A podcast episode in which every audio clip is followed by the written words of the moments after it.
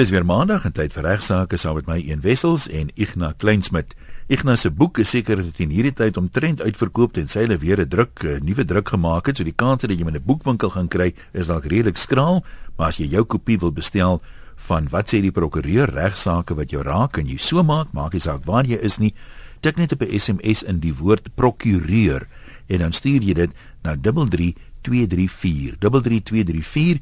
Elke SMS kos R1.50. En dan is hoe stadig aangaan die jaar verby, maar as daar prokureurs of advokate of landdroste of regters of wie ook al luister, maak nie saak of jy nou al afgetree is nie en of jy dalk net kans het om te luister nie. En as jy dalk getroud is met een van die mense, laat weet vir hulle RSG is besig om 'n boek saam te stel oor humor in die hof en nie spesifiek net in die hof nie, in die regswêreld oor die algemeen. Ek gaan die boek skryf namens RSG en ons sal graag van jou stories en staaltjies wil hoor. So wat buitengewoon of onverwags of snaaks het al met jou gebeur in die regswêreld? Stuur dit vir my na 1 by rsg.co.za RSG en Lapa gaan die boek saam uitgee of jy kan my ook bereik vanaf my webwerf eenwessels.com klik daar op kontak my. Dieselfde e-posadres en stuur jou storie of staaltjie. As jy nie betaal nie, maar as kan jy wel erkenning gee in die boek wat uh, volgende jaar sal verskyn. Hier nou kom ons gesels. Ja, goeiemôre Ian, môre luisteraars, lekker om weer met u te gesels. Uh, die eerste saakie wat ek vandag vir u wil bespreek is vir my nogal interessant geweest. Dit gaan oor hangvlieg of paragliding en uh, die saak se naam is die African Hang and Paragliding Association en ander versus Beweek. 2015 saak, hy is baie onlangs gerapporteer. En wat gebeur het is dat uh, die respondent mevrou Diane Bewick, radiografis van die Verenigde Koninkryk, haar van Brittanje, het gedurende 2004 in Kaapstad saam met haar man wat toe haar verloofde was, besluit om deel te neem aan tandem hangvlieg. Nou uh, u sal sien dat dit hierdie voorval in 2004 gebeur en dit wys jou net weer net 2015 in die appel of eindig. Wat is dit? 11 jaar. jaar. Sy toe een van hierdie adventure agencies seker avontuuragentskap genader wat tandem vlugte teen betaling aangebied het en uh, die respondent het saam met 'n baie ervare eh, hangvliegvlieënier gevlieg. Dis nou hierdie mevrou die Diane. Anders as 'n vlerksweeftuig uh, luisteraars het ek nou in die hofsaak agtergekom het 'n hangvliegtuig geen vaste raam nie met 'n tandem hangvliegtuig is die passasier geposisioneer aan die voor. Jy sit so skuins onderkant die ou wat nou eintlik die ding gaan vlieg namens jou saam met jou. amper soos 'n kangoeroe sit jy hier in sy maag. Effens laer as hy en uh, die respondent en haar vlieënier het uh, vanaf 'n heuwel daar buite Hermanus opgestyg. Ken daai heuwel goed. O, goed. Nou net nadat hulle opgestyg het, het die vlieënier egter 'n probleem ondervind die hangvliegtuig het hoogte begin verloor en hulle is redelik vinnig grond toe. Diane het gedink dat sy die slag van die impak kon versag deur haar voete reguit voor haar uit te steek. Sy het egter die spoed van die hangvliegtuig onderskat. Mense doen dit dikwels as sy lyk of sy stadig grond toe kom. Hy kom eintlik baie vinnig en het beide haar bene en haar rug gebreek met die noodlanding. Ei, so die ongeluk het gelei tot haar verlamming. Sy het toe eis ingestel in die Wes-Kaapse afdeling van die Hogeregs vir 25 miljoen rand teen ses verskillende verweerders. Uh die eerste verweerder was die vlieënier self, die tweede en derde verweerders was sy werkgewers. Dis nou uh die mense by wie sy die hang vlug uh, bespreek het teen vergoeding vir wie sy betaal het daarvoor. Die vierde en vyfde verweerders was die hangvliegvereniging. Hulle SAPA, S A H P A is 'n vereniging in Suid-Afrika, Suid-Afrikaanse hangvliegvereniging. Uh en die vyfde verweerder was die burgerlugvaart owerheid BLO terwyl die sesde verweerder die departement van vervoer was. Nou kort voor die aanvang van die verhoor het die respondente skikking bereik wat ek nie weet wat die inhoud daarvan was nie. Met watter een van met die, die verweerders? eerste, tweede en derde verweerders. Het sy met hulle skikking bereik, dis met ander die vlieënier en sy werkgewers. Hulle het geskik met mekaar en haar saak ook onttrek teen die 6ste verweerder departement van vervoer. Sy het voortgegaan net teen die 4de en die 5de dis die twee verenigings, die die burgerlugvaart organisasie en dan ook die SAPA, die burger die uh, hangvlieg vereniging. Uh, nou haar eis wat sy mee voortgaan teen hulle twee is gebaseer op die volgende voorveronderstellings wat sy beweer. Sy sê eerstens dat hangvlieg in Suid-Afrika is onder die leiding en beheer van daardie twee persone wat toe nou appel aangeteken in terloops. Tandem hangvlieg teen beloning is onwettig en die twee respondente was bewus daarvan dat hierdie onwettige aktiwiteit ooglopend beoefen word. Dit het met ander woorde toegelaat terwyl hulle weet hulle hulle doen dit, hulle lede doen dit. Ja, wat dan van die feit dat sy willens en wetens deelneem aan die onwettige ja, aktiwiteit wat sy nou beweer? Dis natuurlik belangrik, maar sy is op daardie stadium natuurlik nie bewus daarvan gewees nie. Dit word voorgehou as as 'n wettige aktiwiteit. Hulle was onder 'n wetlike verpligting om redelike stappe te neem om hierdie praktyk te beëindig en te voorkom dat hierdie onwettige aktiwiteit plaasvind met versuim om te doen. En sy sê as hulle dit wel gedoen het, sou die vlug waar tydens uh, sy haar beserings opgedoen het nie plaasgevind het nie. Nou ek gaan uh, luisteraars hier nie belas met die hele uh, lang hofuitspraak nie, behalwe om te sê dat alhoewel die hof in die guns van die respondent 'n bevinding gemaak het, is daar toe appel aangeteken dat die hof toe. Die hof het al hierdie op hierdie punte van uh, van Diane het hulle aard gelyk gegee in die Hooggeregshof. Die twee respondente het appel aangeteken en die appelhof het bevind dat selfs as hangvlieg vir beloning onwettig is ander woorde jy mag dit nie ek doen nie selfs as dit so sou wees soos hy beweer sou dit onredelik wees om hierdie twee appellante die die hele spreeklik te hou vir die skade gelei deur die respondent uh omdat hulle nie op enige manier nou nalatig was of iets verkeerd dis iets wat gebeur het wat wat hulle nie kon voorsien en nie kon iets aan gedoen het nie en uh so haar eise toe uiteindelik van die hand gewys. Maar belangrik van hierdie saak is om maar net weer te besef dat wat hangvlieg dan hangvlieg betref dit blykbaar onwettig is en dat 'n uh, vereniging ook as predik gehou kan word alhoewel die appel of in hierdie spesifieke geval as gevolg van dit wat gebeur het op die grond uh, met hierdie spesifieke sprong hulle besluit het om hulle nie skuldig te bevind nie. So dit dit kon dalk anders gewees het. Kom ons braai nou sommer net terwyl van die die, die opvoedingsaspek. Ja. Sê nou iemand het by die vereniging beswaar gemaak en gesê hierdie ouens op Hermanus aanvaar geld dat uh, mense tandem vlieg teen beloning jy moet dit stop sit en hulle het versuim om dit te doen dan kon dit anders gewees het. Presies nou dag nou is daar baie meer pligte op die op die vereniging om seker te maak dit gebeur nie en om mense te beskerm daarteenoor dan uh, gebeur dit dikwels luisteraars dat geestesongestelde persone misdaad pleeg. Iemand wat nie by sy volle positiewe is nie. En die vraag is kan hulle daarvoor verantwoordelik gehou word? En wat gebeur kan die polisie hulle arresteer op, op veral op grond van die moontlikheid dat hulle misdaad gaan pleeg. Anderswoorde daar gebeur iets in die brein en jy tree irrasioneel op en jy begin moleste maak. Kan ek kan ek gearresteer word?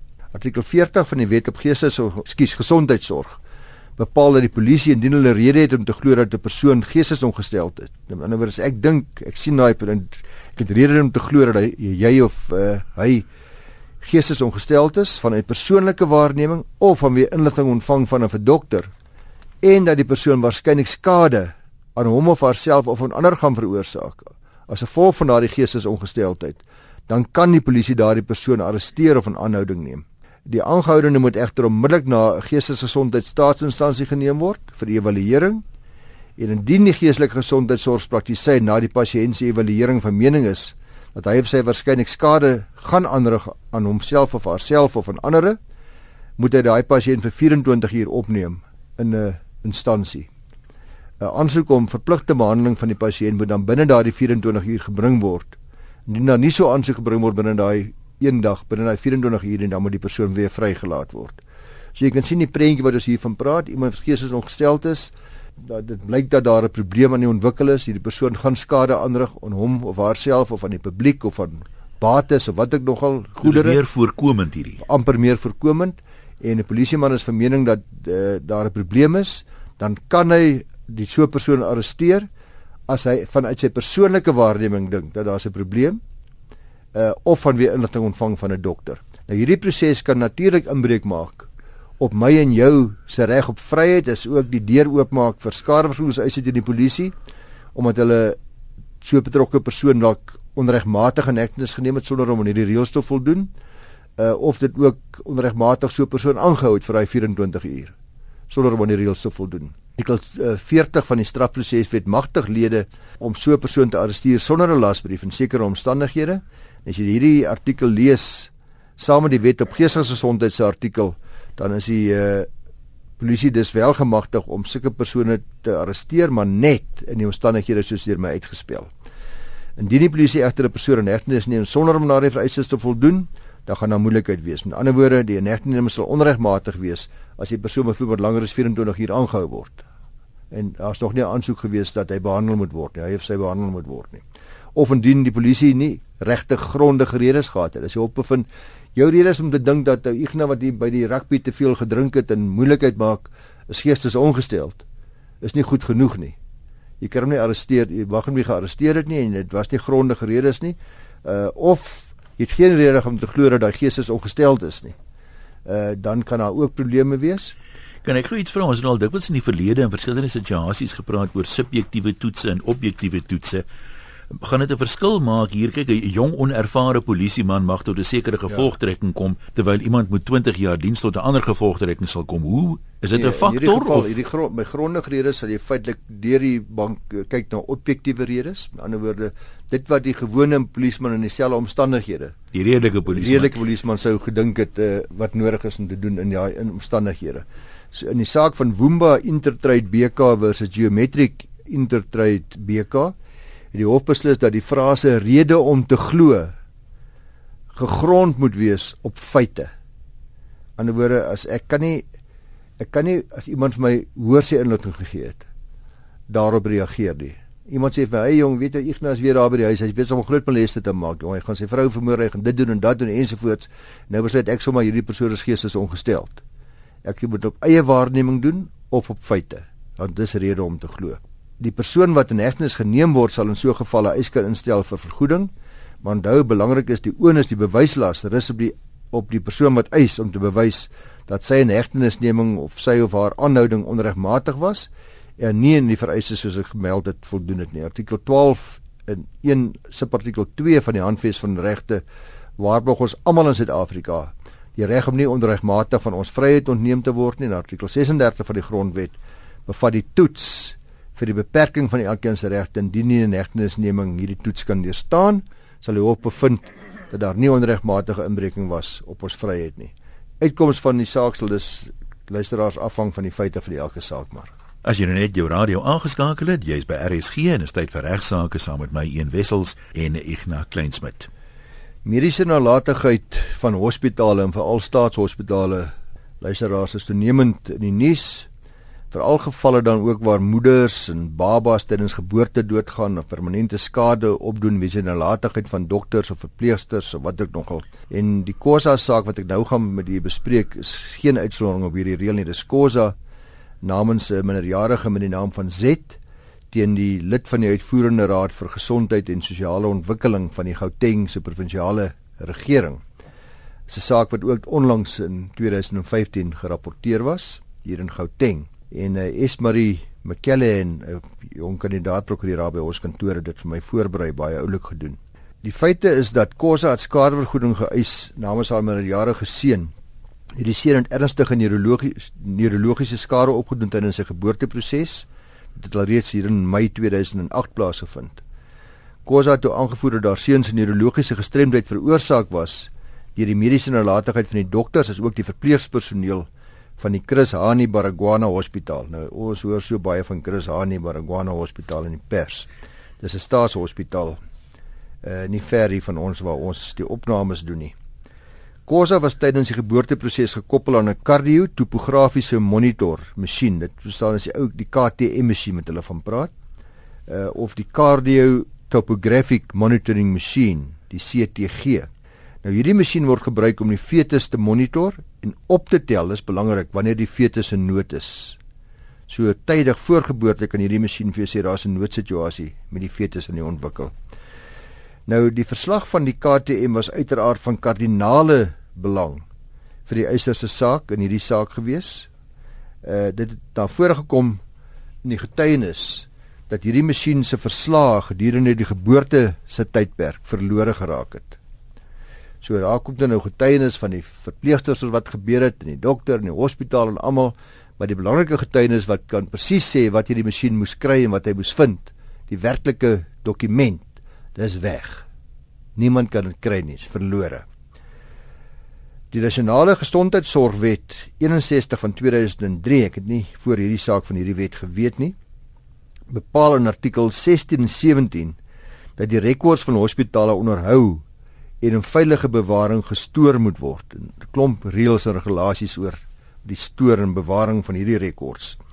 Dit bepaal verder ook dat daar behoorlike maatreëls in plek moet wees om toegang tot hierdie rekords te kry op 'n baie maklike manier wanneer dit nodig is. So die hof beslis dat dit nie die eerste keer is dat rekords van pasiënte van die Chris Hani Hospitaal se kraamsaal verlore geraak het net wanneer eise vir skadevergoeding ingestel word nie. Dit is nou net te toevallig as daar eise ingestel word dan is die rekords weg. Die hof het beslis dat die versuim om hierdie rekords aan die hof voor te lê sonder 'n voldoende rede in daardie geval die hoorsê getuienis van die verpleegpersoneel ontoelaatbaar maak. So hy steur hom nie wat hulle gesê het nie uh want hulle moes die rekords gebring het. Dan hoef hulle nie self te getuig nie. Die onus om nalatigheid te bewys is op die eiser sê die hof. Uh die eiser het aangevoer dat die verpleegpersoneel nalatig was deur die masjien nie behoorlik te monitor nie. Wanneer die masjien sou dit gewys het, maar hulle het nie behoorlik gemonitor nie. Hulle getuienis is natuurlik nou anderste. En dat die dosis uh sin tokunen wat aan haar toegedien is te hoog was in die omstandighede Nou nadat nalatigheid vasgestel is, moet jy hof verder bepaal of die skade wat die fetus gelei het vermy kon word as hy behoorlik gemonitor was. Die hof bevind in hierdie geval dat die skade wel vermy kon word as die fetus behoorlik gemonitor was. Daar is bewys dat die fetus en die moeder geen skade gelei het voor die geboorte nie. Dit het verweder toegegee dat die skade veroorsaak is tydens die geboorteproses. Eh, die skade was spesifiek veroorsaak deur 'n tekort aan suurstof uh, of die naalstring wat om die fetus se nek was. Die verweerder was dan beveel om 100% van die skade wat die eiser kom bewys te betaal plus die kostes en die hof sê ook die kostes sluit in. Kostes van twee advokate vir hulle voorbereiding, hulle verskyning en ook die hoofde van betoog, ook die kostes om die regsmediese verslae te kry van verskeie deskundiges, die kostes vir die verskyning van al die deskundiges, die kostes van een van die deskundiges sluit ook in. Sy tweede toer vliegkaartjies en akkommodasie ensovoorts. So weer nog 'n geval waar staatshospitale soos in baie baie hofsaake deesdae gebeur en staatsdepartemente gesê word, "Hey, as julle julle werk nie behoorlik doen nie, gaan julle betaal daarvoor."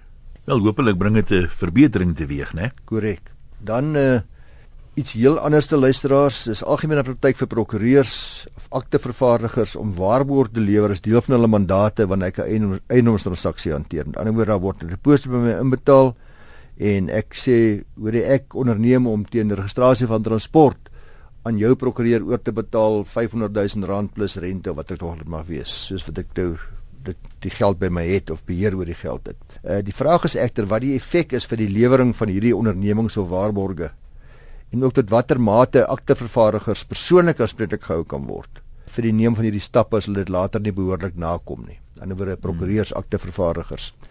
Nou die Hoogste Hof van Appel het in die saak van Stupel en Berman ingeluif teen Rodel Financial Services Eienaars Beperk 'n paar maande terug hieroor beslis hier in die einde van 2015 reeds. Die agtergrond is dat die appellant Stupel het 'n uh, instruksie gekry om as aktevervaardiger op te tree in transport van sekere onroerende eiendom. Die verkoper was uh, die kliënt Falcon Properties 3. Uh, tydens die oordragsproses het die kliënt finansiering bekom vanaf hierdie Rodel Financial Services en die ooreenkoms is onderteken.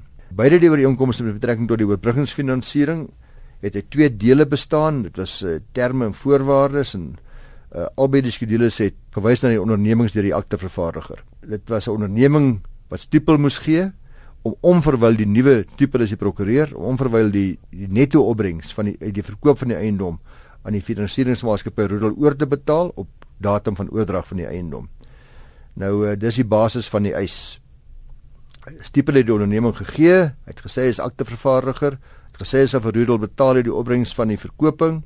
Uh, hy ook gesê dat hy onherroepelike instruksies van sy kliënt gekry dat die leningsbedrag aan Rudolf oorbetaal moet word vir registrasie behalwe waar hy deur regswerking of deur 'n interdik verhoed word om dit te doen. Die onderneming het ook bepaal dat Stipel vir Rudolf op hoogte moet hou van die transaksie uh, van die wesenlike verwikkelinge wat plaasvind en ook dat hy in kennis moet stel as die kliënt die mandaat beëindig of probeer beëindig. Daar was toe 'n dispuut raak in die hele regte. Die kliënt besluit om die ooreenkoms te kanselleer. Die partye het die dispuut geskik en die kliënt sê goed, gaan maar voort met die oordrag. Stipel en die kliënt het Rodel ingelig omtrent al hierdie verwikkelinge, maar die kliënt het nie die volle waarheid in Stipel gaan in die skikking vertel nie. Het juis geskik in 'n poging om minder bedrag aan Rodel te betaal. So die kliënt lieg so 'n bietjie vir sy prokureur oor wat presies die terme van die skikking was, maar hy sê wel jy kan aangaan met die transport.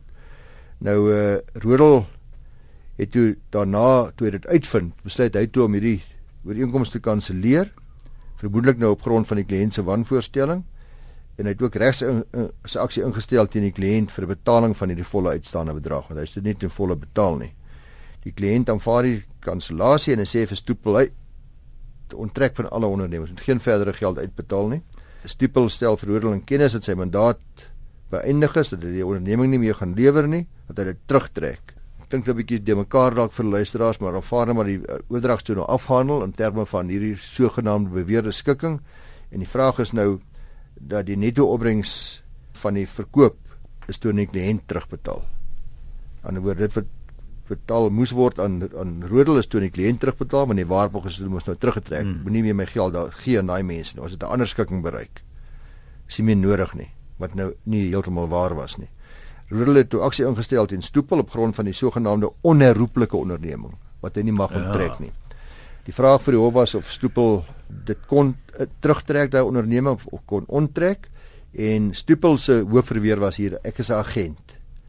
Uh, ek tree op in opdrag van my prinsipaal as ek so onderneming gee, as dit onherroepelik is, is dit by prinsipaal wat sê dit is onherroepelik. As hy sê trek die onderneming terug onherroepelik, dan moet ek dit maar terugtrek. Ek kan nie op my eie hierso hanteer nie. Ek is nie onafhanklik nie.